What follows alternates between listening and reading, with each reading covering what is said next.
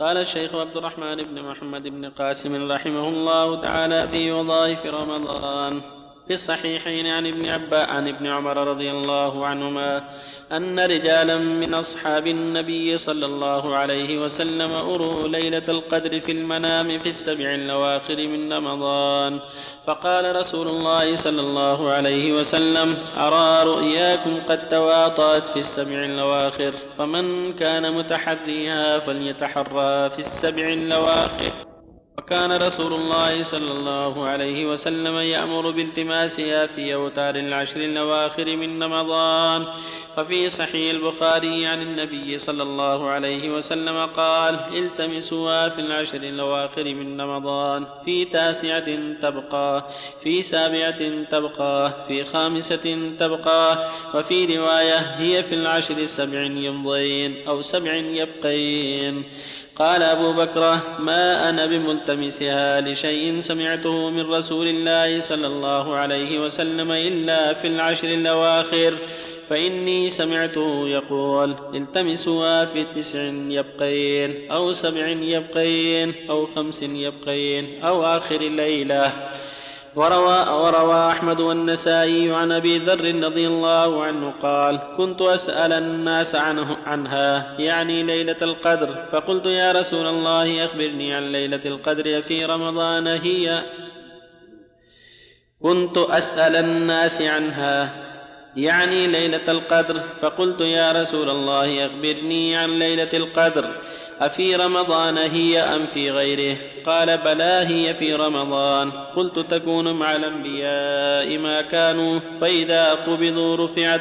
أم هي إلى يوم القيامة؟ قال بل هي إلى يوم القيامة. قلت في أي رمضان؟ قال التمسوها في العشر الأول والعشر الأواخر. قلت في أي العشرين؟ قال في العشر الأواخر. لا تسألني عن شيء بعدها.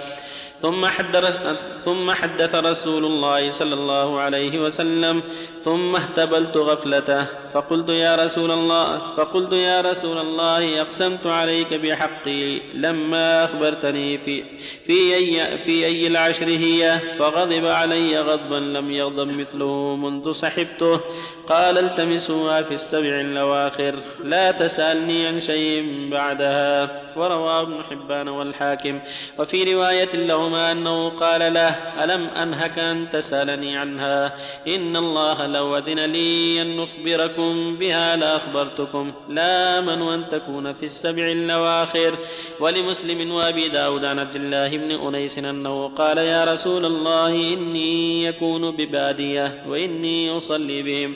فمرني بليلة في هذا الشهر ينزلها إلى المسجد فأصلي فيه. قال انزل في ليلة ثلاث وعشرين لفظ أبي داود.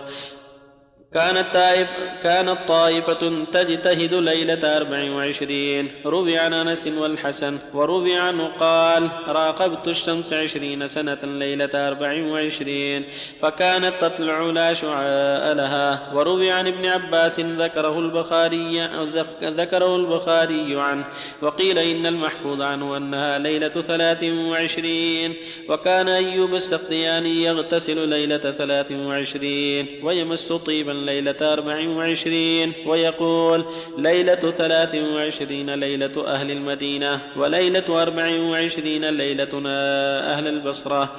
وقد اختلف الناس في ليلة القدر والجمهور أنها في العشر الأواخر كما دلت عليه الأحاديث الصحيحة واختلفوا في أي ليالي العشر أرجى. وحكي عن الحسن ومالك أنها تطلب في جميع ليالي العشر. ورجحه بعض أصحابنا وقال الأكثرون بل بعض لياليه أرجى من بعد ثم قالوا أوتاره أرجى في الجملة. ولم يرد نص صريح عن النبي صلى الله عليه وسلم اعلم أنها في ليلة معينة والحكمة في ذلك والله أعلم ليجتهد المؤمن في هذه الليالي الشريفة كل ليلة يقول هذه ليلة القدر واجتهاده في هذه الليالي العشر واعتكافه فيها لأجل هذه الليالي يدل على ذلك والله أعلم وأرجاها ليلة سبع وعشرين لما روى مسلم عن أبي بن كعب رضي الله عنه قال والله إني لأعلم أي ليلة هي هي ليلة التي أمرنا رسول الله صلى الله عليه وسلم بقيامها وهي ليلة سبع وعشرين. وفي لفظ كان يحلف على ذلك ويقول بالآية والعلامة التي أخبرنا بها رسول الله صلى الله عليه وسلم أن الشمس تطلع صبيحتها لا شعاء لها وخرجه أيضا بلفظ آخر عن أبي قال والله إني لأعلم أي ليلة هي هي الليلة التي أمرنا رسول الله صلى الله عليه وسلم بقيامها في هي ليلة سبع وعشرين وروى أحمد عن ابن عباس رضي الله عنهما أن رجلا قال يا رسول الله إني شيخ كبير عليل يشق علي القيام فمرني بليلة يوفقني الله فيها لليلة القدر فقال عليك بالسابعة وإسناده على شرط البخاري. وروى أيضا عن ابن وروي أيضا عن ابن عمر رضي الله عنهما قال قال رسول الله صلى الله عليه وسلم من كان متحريا فليتحرها ليلة سبع وعشرين أو قال تحروا ليلة سبع وعشرين وعن معاوية رضي الله عنه مرفوعا ليلة القدر ليلة سبع وعشرين والصحيح عند أحمد وقفه. ومما يدل على ذلك حديث أبي ذر في قيام النبي صلى الله عليه وسلم بهم في أفراد السبع الأواخر وأنه قام بهم في الثالثة والعشرين إلى ثلث الليل وفي الخامسة إلى النصف إلى نصف الليل وفي السابعة إلى آخر الليل حتى خشوا أن يفوتهم الفلاح. حتى خشوا أن يفوتهم الفلاح. جزاكم الله خير. وجمع له ليلة, ليلة إذ وجمع الناس والفلاح والسحور. ومما استدل به بعضهم من, من الآيات والعلامات ما تقدم عن أبي بن كعب أنه استدل على ذلك بطلوع الشمس في صبيحتها لا شعاء لها. وطاف بعض السلف بالبيت الحرام ليلة سبع وعشرين. فرأى الملائكة في الهواء طائفين فوق رؤوس الناس. ورجل بالسواد ينظر فقال له آخر أي شيء تنظر؟ فقال إلى ليلة القدر. فقال نم فسأخبرك فلما كانت ليلة سبع وعشرين ذاب به إلى النخل فإذا النخل واضع سعفه بالأرض. وقال لسنا نرى هذا في السنة كلها إلا في هذه الليلة. ومقعد دعاء دعا الله فيها فأطلقه ومقعدة كذلك وأخرس ثلاثين سنة دعا الله فأطلق لسانه وتكلم. وذكر الوزير أبو المظفر أنه رأى ليلة سبع وعشرين وكانت ليلة جمعة. بابا في السماء مفتوحا شامي الكعبة ظنه حيال الحجرة النبوية. ولم يزل كذلك إلى طلوع الشمس. وإن وقع في ليلة من أوتار الأشهر ليلة جمعة فهي أرجى من غيرها. وثبت عن النبي صلى الله عليه وسلم أنه قال من قام ليلة القدر إيمانا واحتسابا غفر له ما تقدم من ذنبه وفي المسند عن عبادة رضي الله عنه من قام ابتغاءها ثم وقعت له غفر له ما تقدم من ذنبه وما تأخر وللنسائي في حديث قتيبة بن سعيد عن سفيان غفر له ما تقدم من ذنبه وما تأخر قال الحافظ وإسناده على شرط الصحيح.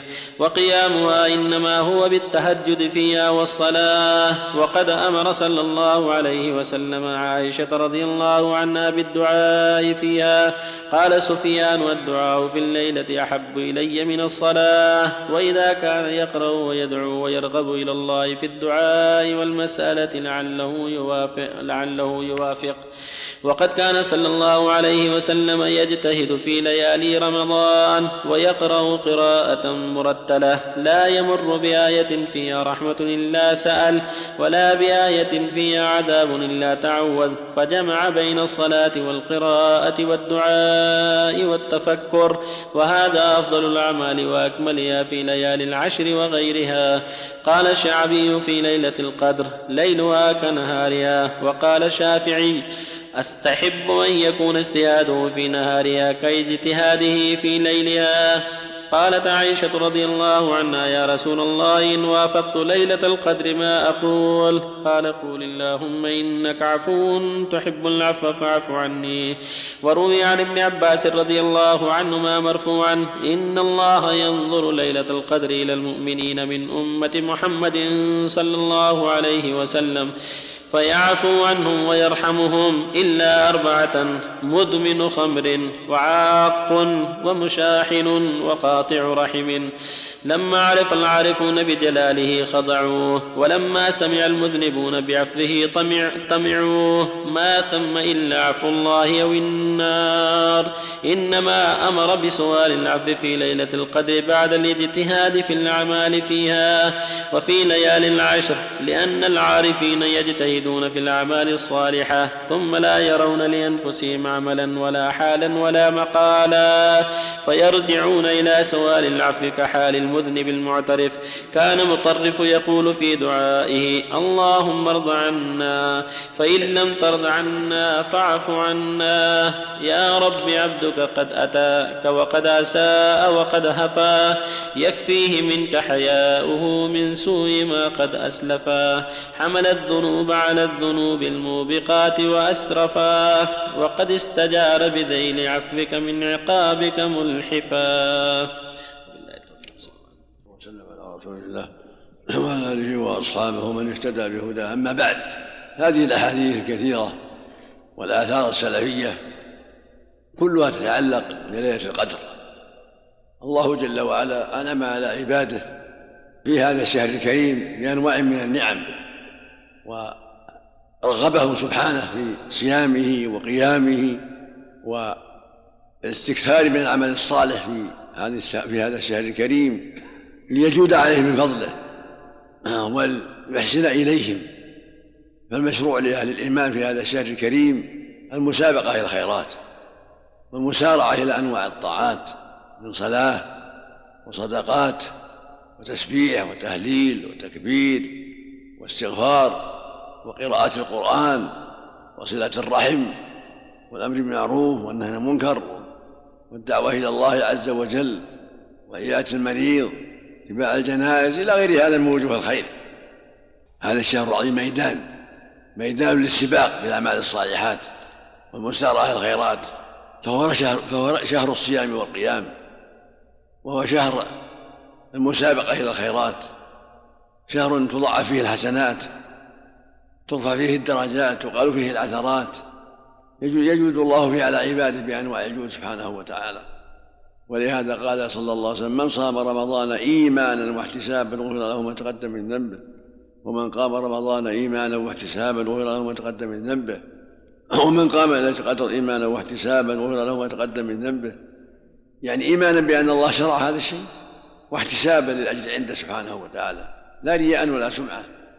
ولا لقصد آخر بل يعمل لله يبتغي وجهه يبتغي الأجر من عنده سبحانه وتعالى يرجو رحمته سيصوم ويقوم ويقرأ القرآن ويتصدق ويسبح ويهلل ويستغفر ويرجو رحمة الله يرجو فضله سبحانه وتعالى. فهذه الأيام أيام عظيمة لم يبق منها إلا هذا اليوم واليوم الذي بعده إن لم, لم يرى الهلال هذه الليلة. فهذا اليوم هو اليوم التاسع والعشرون وغدا هو يوم الثلاثين. فقد يرى هذه الليلة الهلال؟ فتكون هذه الليلة أول شوال. فأنت عندك لم يبقى شيء متيقن إلا هذه العصية هذه هذه الساعات هذه الدقائق القليلة المتيقنة من شهر الصيام. أما الليلة وغدا فمحل نظر. فقد يرى الهلال وقد لا يرى وقد لا يرى. ومن أهم المهمات البدار بالتوبة في هذه الفرصة القليلة البدار بالتوبة. توبة النصوح من جميع السيئات. بالندم على الماضي من سيئاتك والإقلاع منها والحذر منها والعزم الصادق ألا تعود فيها. فالتوبة يجب الله بها ما قبلها من الذنوب. كما قال النبي صلى الله عليه وسلم الإسلام يجب ما كان قبله والتوبة تهتم ما كان قبلها. وأنت مأمور بالتوبة دائما في كل وقت في رمضان وفي غيره. يقول الله سبحانه وتوبوا إلى الله جميعا أيها المؤمنون لعلكم تفلحون. إنما ليلة القدر. بين الرسول صلى الله عليه وسلم أنها في العشر الأواخر. ولم يبق منها إلا هذه الليلة إن لم يرى الهلال. وهذه الليلة العظيمة العمل فيها والاجتهاد فيها. خير من العمل في ألف شهر ما سواه. وأنت بحمد الله لك متسع في جميع السنة بل في جميع عمرك. لكن جاهد وساعد وسارع إلى الخيرات. لأنك لا تدري ماذا ماذا بقي من عمرك. هل بقي ساعة أو أيام أو شهور أو سنة أو أكثر؟ لا تدري. فالحزم والكيس الجد في الطاعة دائما دائما. والحذر من المعاصي دائما. والمسارعة الخيرات دائما. والتوبة من كل ما سلف من الذنوب. هذا هو الكيس. هذا هو الحزم هذا هو الواجب على المؤمن. أينما كان. لا يقول أنا شاب قد يبقى لي سنوات يبقى لي كذا ما تدري كم من شاب مات وعاش الشيخ الكبير. البدار بالتوبة ولزوم الأعمال الصالحات والاستكثار منها. من الشاب والشيخ. هكذا يكون الحزم هكذا يكون الكيس. في رمضان وفي غيره.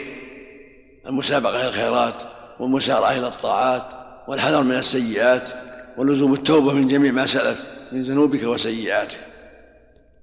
والله جل وعلا يقول في وصف عباده الصالحين من الأنبياء وأتباعهم إنهم كانوا يسارعون في الخيرات ويدعوننا رغبا ورهبا وكانوا لنا خاشعين. ويقول عز وجل إن الذين هم من خشية ربهم مشفقون والذين هم بآيات ربهم يؤمنون والذين هم بربهم لا يشركون والذين, والذين يؤتون ما آتوا والذين يؤتون ما آتوا وقلوبهم وجلة أنهم إلى ربهم راجعون. أولئك يسارعون الخيرات وهم لا سابقون. يؤتون ما آتوا يعني من الأعمال الصالحات يعني يعملون ما يعملون من الطاعات وهم على خوف على وجل. يخشون ألا تقبل منهم أعمالهم. يخشون من تقصير يخشون من رياء وهم على وجل. يعملون باجتهاد وحذر وخوف ولهذا سابقوا للطاعات وسارعوا إليها وسبقوا لها. فأنت هكذا كن هكذا كن حريصا على الخير. راغبا فيه مسارعا إليه أينما كنت؟ في أي زمان وفي أي مكان كنت؟ ترجو ثواب ترجو ثواب الله وتخشى عقابه هذا هو الحزم وهذا هو الكيس وهذا هو شأن الأخيار. حفظ الأوقات وعمارتها بالطاعات والحزم في كل شيء. هكذا يكون المؤمن بعيدا عن السيئات حذرا منها مسارعا للطاعات مجتهدا في تحصيلها تائبا إلى الله مما سلف من ذنوبه مجتهدا في كل خير. يدعو الله ويضرع إليه أن يعفو عنه ويكفر سيئاته ويغفر سيئاته هكذا. لا يغفل قالت عائشة رضي الله يا رسول الله إن وافقت ولا يتقدر ما أقول فيها قال قول اللهم إنك عفو تحب العفو فاعف عني. سؤال الله العفو في كل وقت. من أفضل القربات. اللهم إنك عفو تحب العفو فاعف عني. في رمضان وفي غيره في ليله القدر وفي غيرها. يقول الله جل وعلا ادعوني أستجب لكم واذا سالك عبادي عني فإني قريب أجيب دعوة الداعي إذا دعان. ويقول النبي صلى الله عليه وسلم ما من عبد يدعو الله بدعوة ليس فيها إثم ولا قطيعة رحم إلا أعطاه الله بها إحدى ثلاث. إما أن تعجل له دعوته في الدنيا وإما أن تدخل له في الآخرة وإما أن يصرف عنه من الشر مثل ذلك. قالوا يا رسول الله إذا نكثر قال الله أكثر. والمستحب للمؤمن في ليلة العيد الإكثار من التكبير من نعم الله شرع لنا التكبير ليلة العيد. كما قال جل وعلا ولتكملوا العدة ولتكبروا الله على ما هداكم ولعلكم تشكرون. فيشرع للمسلمين التكبير ليلة العيد. من غروب الشمس إلى فراغ صلاة العيد إلى فراغ الخطبة من صلاة العيد. كل تكبير في البيت والمسجد والطريق. الله أكبر الله أكبر لا إله إلا الله الله أكبر الله أكبر ولله الحمد. الله أكبر كبيرا والحمد لله كثيرا وسبحان الله بكرة وأصيلا سبحان الله والحمد لله ولا إله إلا الله والله أكبر. هكذا صلاة العيد. شرع الله صلاة العيد شكرا لله على هذه النعمة العظيمة. المسلمون إذا فرغوا من رمضان صلوا صلاة العيد. صلاة صباح أول يوم من شوال. شكرا شكرا لله سبحانه وتعالى.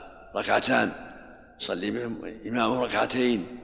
ويخطب ويذكرهم ويعظهم وشرع الله لنا صدقة الفطر زكاة الفطر تؤدى قبل خروج الناس إلى صلاة العيد صاعا من الطعام صاعا من قوت البلد على كل ذكر أو أنثى أو صغير أو كبير أو حر أو عبد. فرضها الله على المسلمين على كل واحد صاع للفقراء والمساكين من قوت البلد على الذكر والأنثى والصغير والكبير والحر والعبد. من المسلمين وأن تؤدى قبل خروج الناس إلى صلاة العيد. وإذا أدوها قبل الصلاة قبل العيد بيوم أو يومين فلا بأس. يوم الثامن والعشرين التاسع والعشرين يوم الثلاثين لا بأس. توزع بين الفقراء والمحاويج. وهذه الصلاة صلاة العيد مشروعة للرجال والنساء. أمر بها أمر بها صلى الله عليه وسلم الرجال والنساء. وكان صلى الله عليه وسلم إذا خطب الناس وفرغ من خطبتهم أتى النساء وخطبهن وذكرهن عليه الصلاة والسلام. إذا كانت إذا كنا لا يسمع الخطبة يشرع للإمام أن يأتيهن ويخطب ويذكرهن ويحثهن على الصدقة وعلى ترك المعاصي والحذر منها والمسارعة إلى الخيرات. أما اليوم لله فقد يسر الله المكبرات التي تبلغ النساء يسمعن الخطبة خطبة الرجال يسمعها يسمعها الرجال والنساء. فبهذا يحصل المقصود والحمد لله لأن الخطبة تعم الجميع من طريق المكبرات. والمقصود أن الصلاة مشروعة للجميع والخطبة لتذكير الجميع وزكاة الفطر على الجميع والتكبير والتسبيح والتهليل والإكثار من ذلك مطلوب من الجميع. في ختام هذا الشهر العظيم نسأل الله يتقبل منا ومنكم ومن جميع المسلمين ونسأل الله جعلنا وإياكم وسائر إخواننا من العتقاء من النار وأن يعيده علينا وعلى المسلمين عواما كثيرة في خير وعافية وصحة واستقامة وعز الإسلام وظهور وكبت لأعداء الإسلام. وصلى الله وصلى الله وسلم على نبينا محمد وعلى آله وأصحابه. لا حول ولا الله المستعان اللهم الجنين اللي في بطن أمه ما بعد احترى كيف طبعا الجنين اللي في بطن أمه. يستحب ما, يجب. الحمل يستحب ولكن لا يجب. اذا ما ولد يستحب استحباب حتى يولد إن كان مولود ولو يفطر يفطر عنه. كان عثمان رضي الله عنه يخرج الزكاة عن الحمل زكاة الفطر مستحبة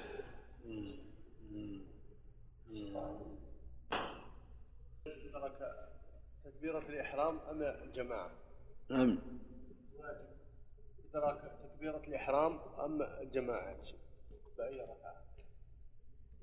الواجب عليه يبادر حتى يكبر مع حتى يدرك الصلاة الركعة الأولى لا يتكاسل حتى يدرك الصلاة كلها في الجماعة هذا هو الواجب على المؤمن أن يحافظ على الجماعة وأن يسارع حتى لا تفوته لا تفوت. والديك في جنات النعيم نعم. يجب عليها أن تكون الصلاة كلها في الجماعة من إليك يا شيخ. آه، في العشر الأواخر في مكة بعض الناس يطلعون الفوق في جبل حيرة. إذا ما وجدوا مكان أو إذا ما وجدوا مكان وهم يشاهدون الناس. تصح الصلاة إذا سمع الصوت أو شاهد الجماعة. ولو بعيد. إذا كان يشاهدهم يراهم لو انقطع الصوت اتبعهم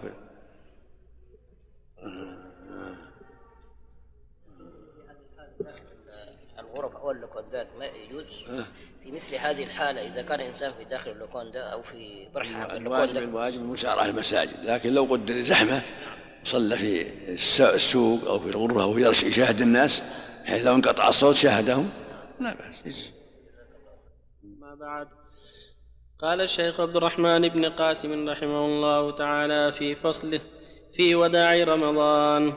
تقدم ما ثبت في الصحيحين عن النبي صلى الله عليه وسلم أنه قال من صام رمضان إيمانا واحتسابا غفر له ما تقدم من ذنبه ولاحمد وما تأخر وإسناده حسن ومن قام ليلة القدر إيمانا واحتسابا غفر له ما تقدم من ذنبه ومن قام رمضان إيمانا واحتسابا غفر له ما تقدم من ذنبه زاد النسائي غفر له ما تقدم من ذنبه وما تأخر ولأحمد عن عبادة مرفوعا في ليلة القدر من قامها ابتغاءها ثم وقعت له غفر له ما تقدم من ذنبه وما تأخر ولابن حبان والبيقي عن ابي سعيد مرفوعا. من صام رمضان وعرف حدوده وتحفظ مما ينبغي له أن ولابن, ولابن حبان والبيهقي عن أبي سعيد مرفوعا.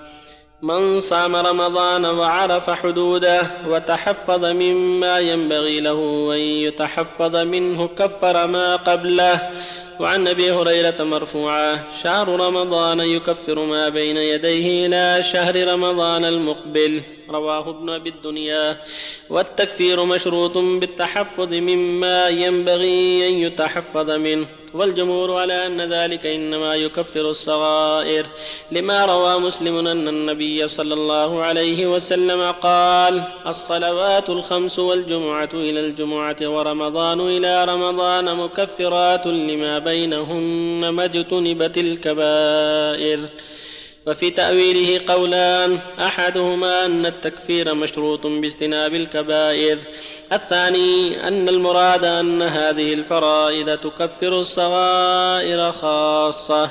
وقال ابن المنذر في ليلة القدر يرجى بها مغفرة الذنوب كبائرها وصغائرها وقال غيره مثل ذلك في الصوم. والجمهور على أن الكبائر لا بد لها من توبة نصوح. وحديث أبي هريرة يدل على أن هذه الأسباب الثلاثة كل واحد منها مكفر لما سلف من الذنوب. فقيام ليلة القدر يقع التكفير به إذا وافقها ولو لم يشعر بها.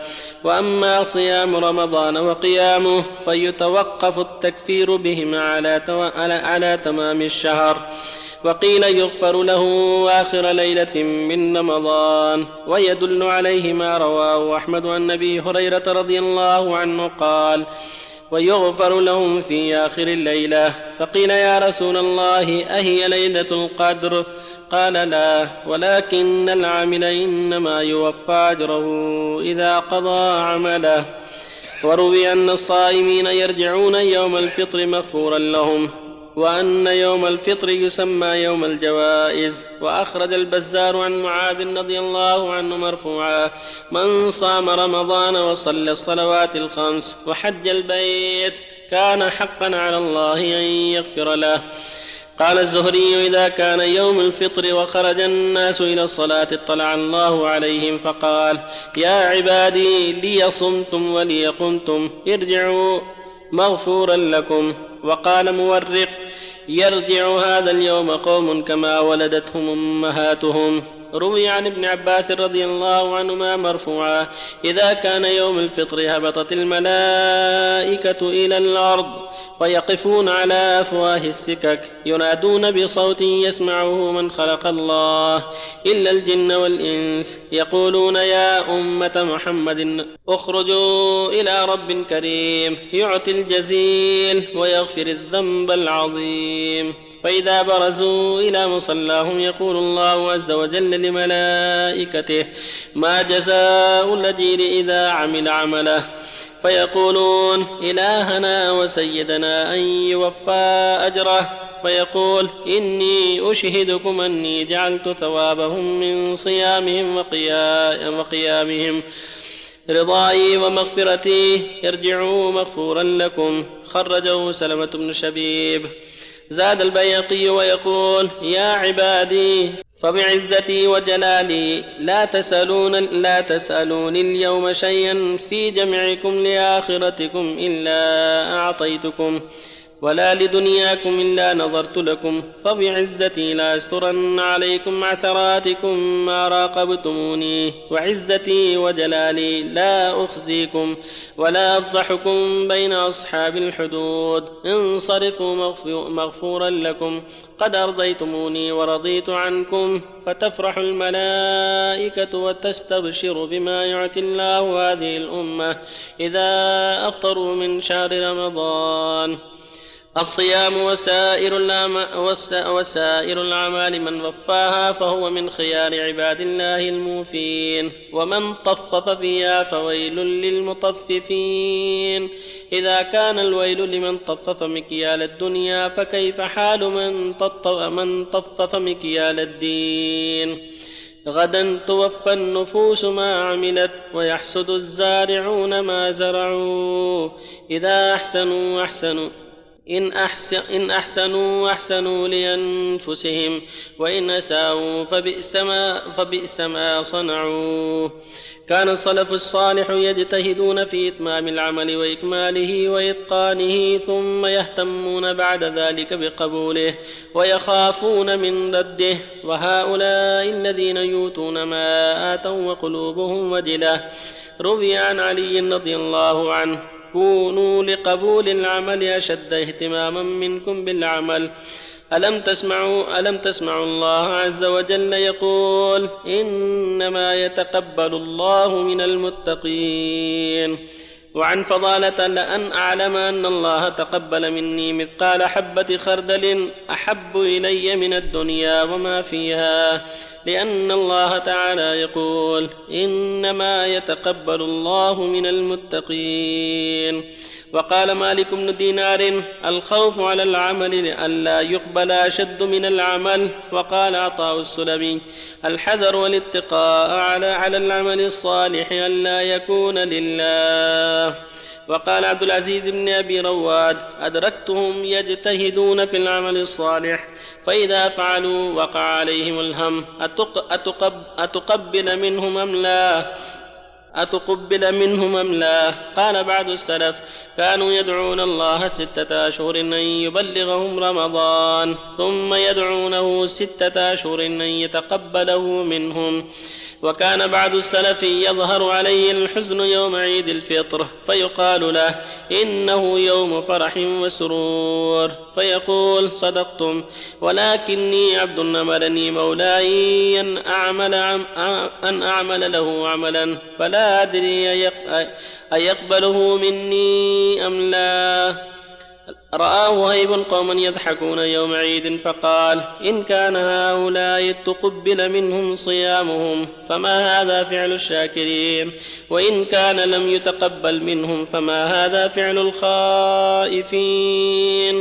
وعن الحسن قال إن الله جعل رمضان مضمارا لخلقه يستبقون فيه بطاعته إلى مرضاته فسبق قوم ففازوا وتخلف آخرون فخابوا. فالعجب من اللاعب الضاحك في اليوم الذي يفوز فيه المحسنون ويخسر فيه المبطلون. روي عن علي رضي الله عنه أنه كان ينادي في آخر ليلة من رمضان يا ليت شعري من هذا المقبول فنهنيه ومن هذا المحروم فنعزيه أيها المقبول هنيا لك أيها المردود جبر الله مصيبتك بالله التوفيق صلى الله وسلم. على رسول الله وعلى آله وأصحابه ومن اهتدى به أما بعد هذه الأحاديث والآثار عن السلف الصالح كلها تعلق بصوم رمضان وقيامه وما شرع الله فيه من الأعمال وأن المؤمن على خير عظيم إذا أحسن وأدى ما عليه واجتهد فهو على خير عظيم. فهو الله فالله سبحانه لا يخلف الميعاد وهو الكريم الجواد. قد وعد عباده إذا أحسنوا أن يحسن إليهم. هل جزاء الإحسان إلا الإحسان؟ فمن أحسن فله البشرى بالسعادة والتوفيق والمغفرة والعتق من النار. ومن أساء فباب الله مفتوح. باب الله مفتوح فليبادر بالتوبة والرجوع إلى الله والإنابة إليه؟ فالله يتوب عليه سبحانه وتعالى. وهذه الأيام التي من الله بها على عباده في هذا الشهر الكريم أيام مسابقة أيام مسارعة الخيرات أيام استباق. فمن سابق بالخيرات وسارع إليها فليحمد الله وليس ربه القبول ولا يعجب ولا يمن بعمله ولكن يسر ربه القبول. ويخاف يرد عليه عمله بأسباب وقعت منه فليحذر العجب وليحذر المن بما المن بعمله وليس ربه المغفرة والعفو عن التقصير. ومن كان أساء وقصر فليبادر بالتوبة. ومن تاب تاب الله عليه. هو القائل سبحانه وتعالى وهو الذي يقبل التوبة عن عباده ويعفو عن السيئات. وهو القائل جل وعلا وتوبوا إلى الله جميعا. أيها المؤمنون لعلكم تفلحون. وهو القائل سبحانه قل يا عبادي الذين أسرفوا على أنفسهم لا تقنطوا من رحمة الله إن الله يغفر الذنوب جميعا. فالحاصل أن هذا الشهر الكريم الذي هذه الليلة آخر آخر لياليه لم يرى ينبغي المؤمن أن يختمه بالتوبة الصادقة بالاستغفار بالإكثار من ذكر الله وتسبيحه وتهليله وتحميده بحسن الظن بالله. ورجائه جل وعلا أن يتقبل منه عمله وأن يغفر له ذنبه ثم ليعزم العزم الصادق على الاستمرار في الخير والجد في الخير وعدم الرجوع إلى الشر ليعزم العزم الصادق على الاستقامة والثبات على الحق والا يرجع إلى ما سلف منه من تقصير. فقد وعده الله المغفرة من صام رمضان إيمانا واحتسابا غفر له ما تقدم من ذنبه. ومن قام رمضان إيمانا غفر له ما تقدم من ذنبه. ومن قام ليلة القدر إيمانا واحتسابا غفر له ما تقدم من ذنبه. فهو موعد مغفرة في صيامه وقيامه وقيام ليلة القدر فليحسن ظنه بربه. وليرجو هذه المغفرة مع الخوف والحذر أن يرد عليه عمله فليكن راجيا خائفا كما حكى الله عن أنبيائه ورسله والأخيار من عباده. قال سبحانه إنهم كانوا يسارعون الخيرات ويدعون رغبا ورهبا وكانوا لنا خاشعين.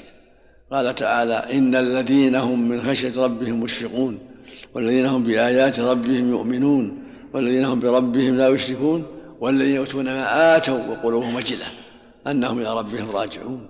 أولئك يسارعون في الخيرات وهم لها سابقون يؤدوا ما يؤدوا من العمل عن جد وعن نشاط وعن رابة بما عند الله عز وجل وعن خوف ووجل أن ترد عليهم أعمالهم. هذه حال الأخيار. هذه حال السابقين. ليسوا أهل من بالعمل ولا عجب. بالعمل. لا يمنون على الله بأعمالهم ولا يعجبون بأعمالهم. بل يعملون وهم منكسرون خائفون وجلون مشفقون. يرجون رحمته ويخشون عقابه. ومن أجل هذا يجود الله عليهم ويحسن إليهم ويجبر كسرهم ويعينهم ويثبتهم. ولهذا قال إنهم كانوا وهم لها سابقون. وهم لها سابقون. سارعوا وسبقوا بسبب توفيق الله لهم وإعانته لهم وبسبب صدقهم وإخلاصهم وخوفهم ورجائهم. فأنت يا عبد الله عليك أن تأسى بهؤلاء الأخيار في جميع أعمالك جد ونشاط وإخلاص وصدق ومع ذلك تخاف وترجو. لا تمن بعملك ولا تعجب بعملك بل كن خائفا راجيا بين بين الخوف والرجاء. قال بعض السلف إن يكون الرجاء والخوف للمؤمن كالجناحين للطائر. كالجناحين يطير بهما. وقال بعضهم وليغلب جانب الرجاء في حال في حال الصحة في حال المرض. وليغلب جانب الخوف في حال الصحة. حتى يكون في حال الصحة أكثر حذرا وأكثر مسارعة الخيرات. وفي حال المرض والضعف يكون حسن الظن بالله يغلب عليه الرجاء وحسن الظن بالله. ولكن ظاهر القرآن والسنة أنه ينبغي له أن يكون بين الرجاء والخوف. لا هذا ولا هذا. يرجو يرجو ربه ويخاف ذنبه. حسن الظن بالله ولكن مع هذا هو خائف أيضا. فهو بين الخوف والرجاء كما قال الله عن رسله وانبيائه ويدعون رغبا ورحبا وكانوا لنا خاشعين. قال اولئك يدعون يبتغون رب الوسيله هم اقرب ويرجون رحمته ويخافون عذابه. إن عذاب ربك كان محذورا. نسأل الله أن يوفق الجميع لما يرضيه وأن يختم لهم بالخاتمة الحسنة واجعلنا وإياكم من العتقاء من النار ويمن علينا وعليكم بإكمال ما بقي على الوجه الذي يرضيه وأن يبلغنا صيامه وقيامه إيمانا واحتسابا أعواما كثيرة على الوجه الذي يرضيه وأن يوفق المسلمين جميعا في كل مكان لما يرضيه وأن يمنحهم الفقه في الدين وأن يكثر بينهم دعاة الهدى وأن يولي عليهم خيارهم ويصلح قادتهم إنه سميع قريب. صلى الله وسلم على نبينا محمد وعلى آله وأصحابه. اللهم ما ما راجع يقول اسناده حسن ولكن يرجع إلى الله جل وعلا ذلك لأن الصيام ايمانا واحتساب يتضمن التوبة ومن تاب تاب الله عليه. لكن من تأخر يحتاج إلى توبة وإلى عمل صالح وإلى استقامة فلو صح معناه يعني ما دام مستقيما. مثل ما قال الرسول صلى الله عليه وسلم الصلوات الخمس والجمعة إلى الجمعة ورمضان رمضان كفارات لما بينهن ما لم تخش الكبائر. إذا اجتنب الكبائر لو صحت فالمعنى إذا استقام يعني. نعم. عليك يا شيخ.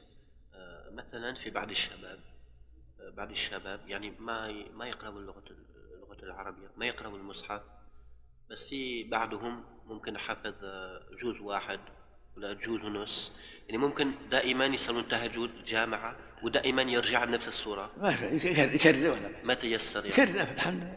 الله يقول فاقرأوا ما تيسر. ما تيسر. الحمد لله. بارك الله فيك. الحمد لله. أحسن الله عليكم شيخ. زكاة الفطر يا شيخ هل تعطى من يبيع الطعام هذا الذي- يعطاه يا شيخ؟ ما في بأس إذا كان فقير. أو إذا كان فقير. يعطي. يا شيخ بعضهم يا شيخ يتردد على الناس يأخذ ويبيع يرجع يأخذ ويبيع يرجع يأخذ. إذا علم منها ذلك هل يعطى؟ ما دام منها معروف بالفقر فيعطى ما بأس لأنه لو أعطي 100 صاع ما ما ما تكفيه السنة. جزاكم الله. والسنة تحتاج إلى شيء كثير.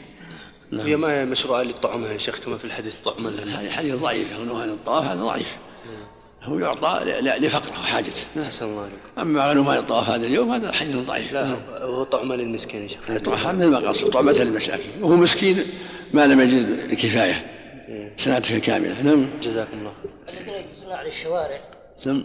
الذين يجلسون على الشوارع معهم ال- الطعام كما ذكر الأخ آه، أنه معهم بعض الناس آه، يأخذون من هنا ويبيعون أيضا من هنا. هؤلاء يجوز إعطاؤهم؟ ما داموا يدعون الفقر والحاجة؟ نعم. يعطون على حسب ظاهرهم. نعم. نعم. لأنه قد يبيع قد يبيع ويشتري وهو فقير. نعم. يجزي نعم. أقول يجزي ما دام يدعي الفقر نعم. أحسن الله إليك. بعض نزل. الناس إيه. بعض الناس يفهم أن من أخذ زكاة يعني زكاة فطر ولو ثلاثة كيلو على أن هذا لا يستحق أن يأخذ مرة ثانية. هذا ما يفهم. لا لا غلط. يعطى ولو ما دام عنده شيء يغني سنته.